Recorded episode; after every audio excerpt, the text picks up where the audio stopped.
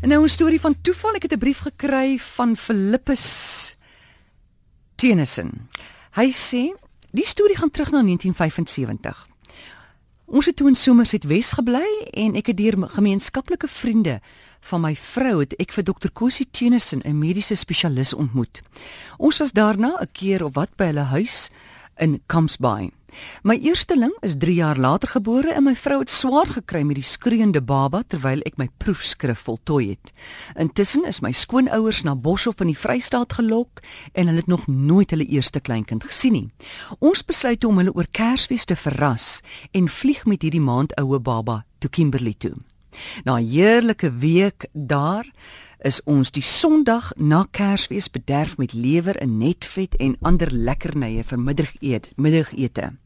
My vrou dring toe aan, ek moet die lughawe bel, kyk nou is ons in Boshoff, né, om ons terugvlug te bevestig. Man, tot my ontsteltenis moes ek hoor die vlug vertrek vroeër as wat ons gedink het en ons moes toe omtrent 70 km Kimberley toe haas.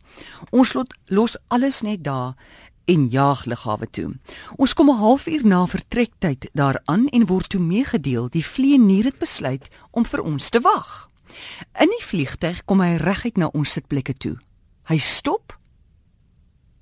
Hy kyk ons aan, maar kom tog nader. Hy deel ons mee dat hy het net gesien op die passasierslys dat die passasiers vir wie hy wag se van is Tennyson en hulle kom van Boshoff en hy het so gehoop dit is sy ou vriend van Boshoff met wie hy intussen kontak verloor het.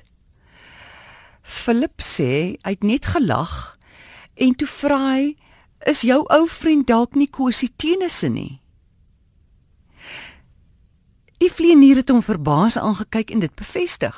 Philip sê ek het hom vertel dat ek hom ook ken en ek gee hom toe sy adres in Kampsbaai. Die telefoonnommers kon hy self naslaan. Na so wat 3 weke later bel hy my met groot dankbaarheid. Hy en sy ou vriend is herenig en hy het daar gekuier.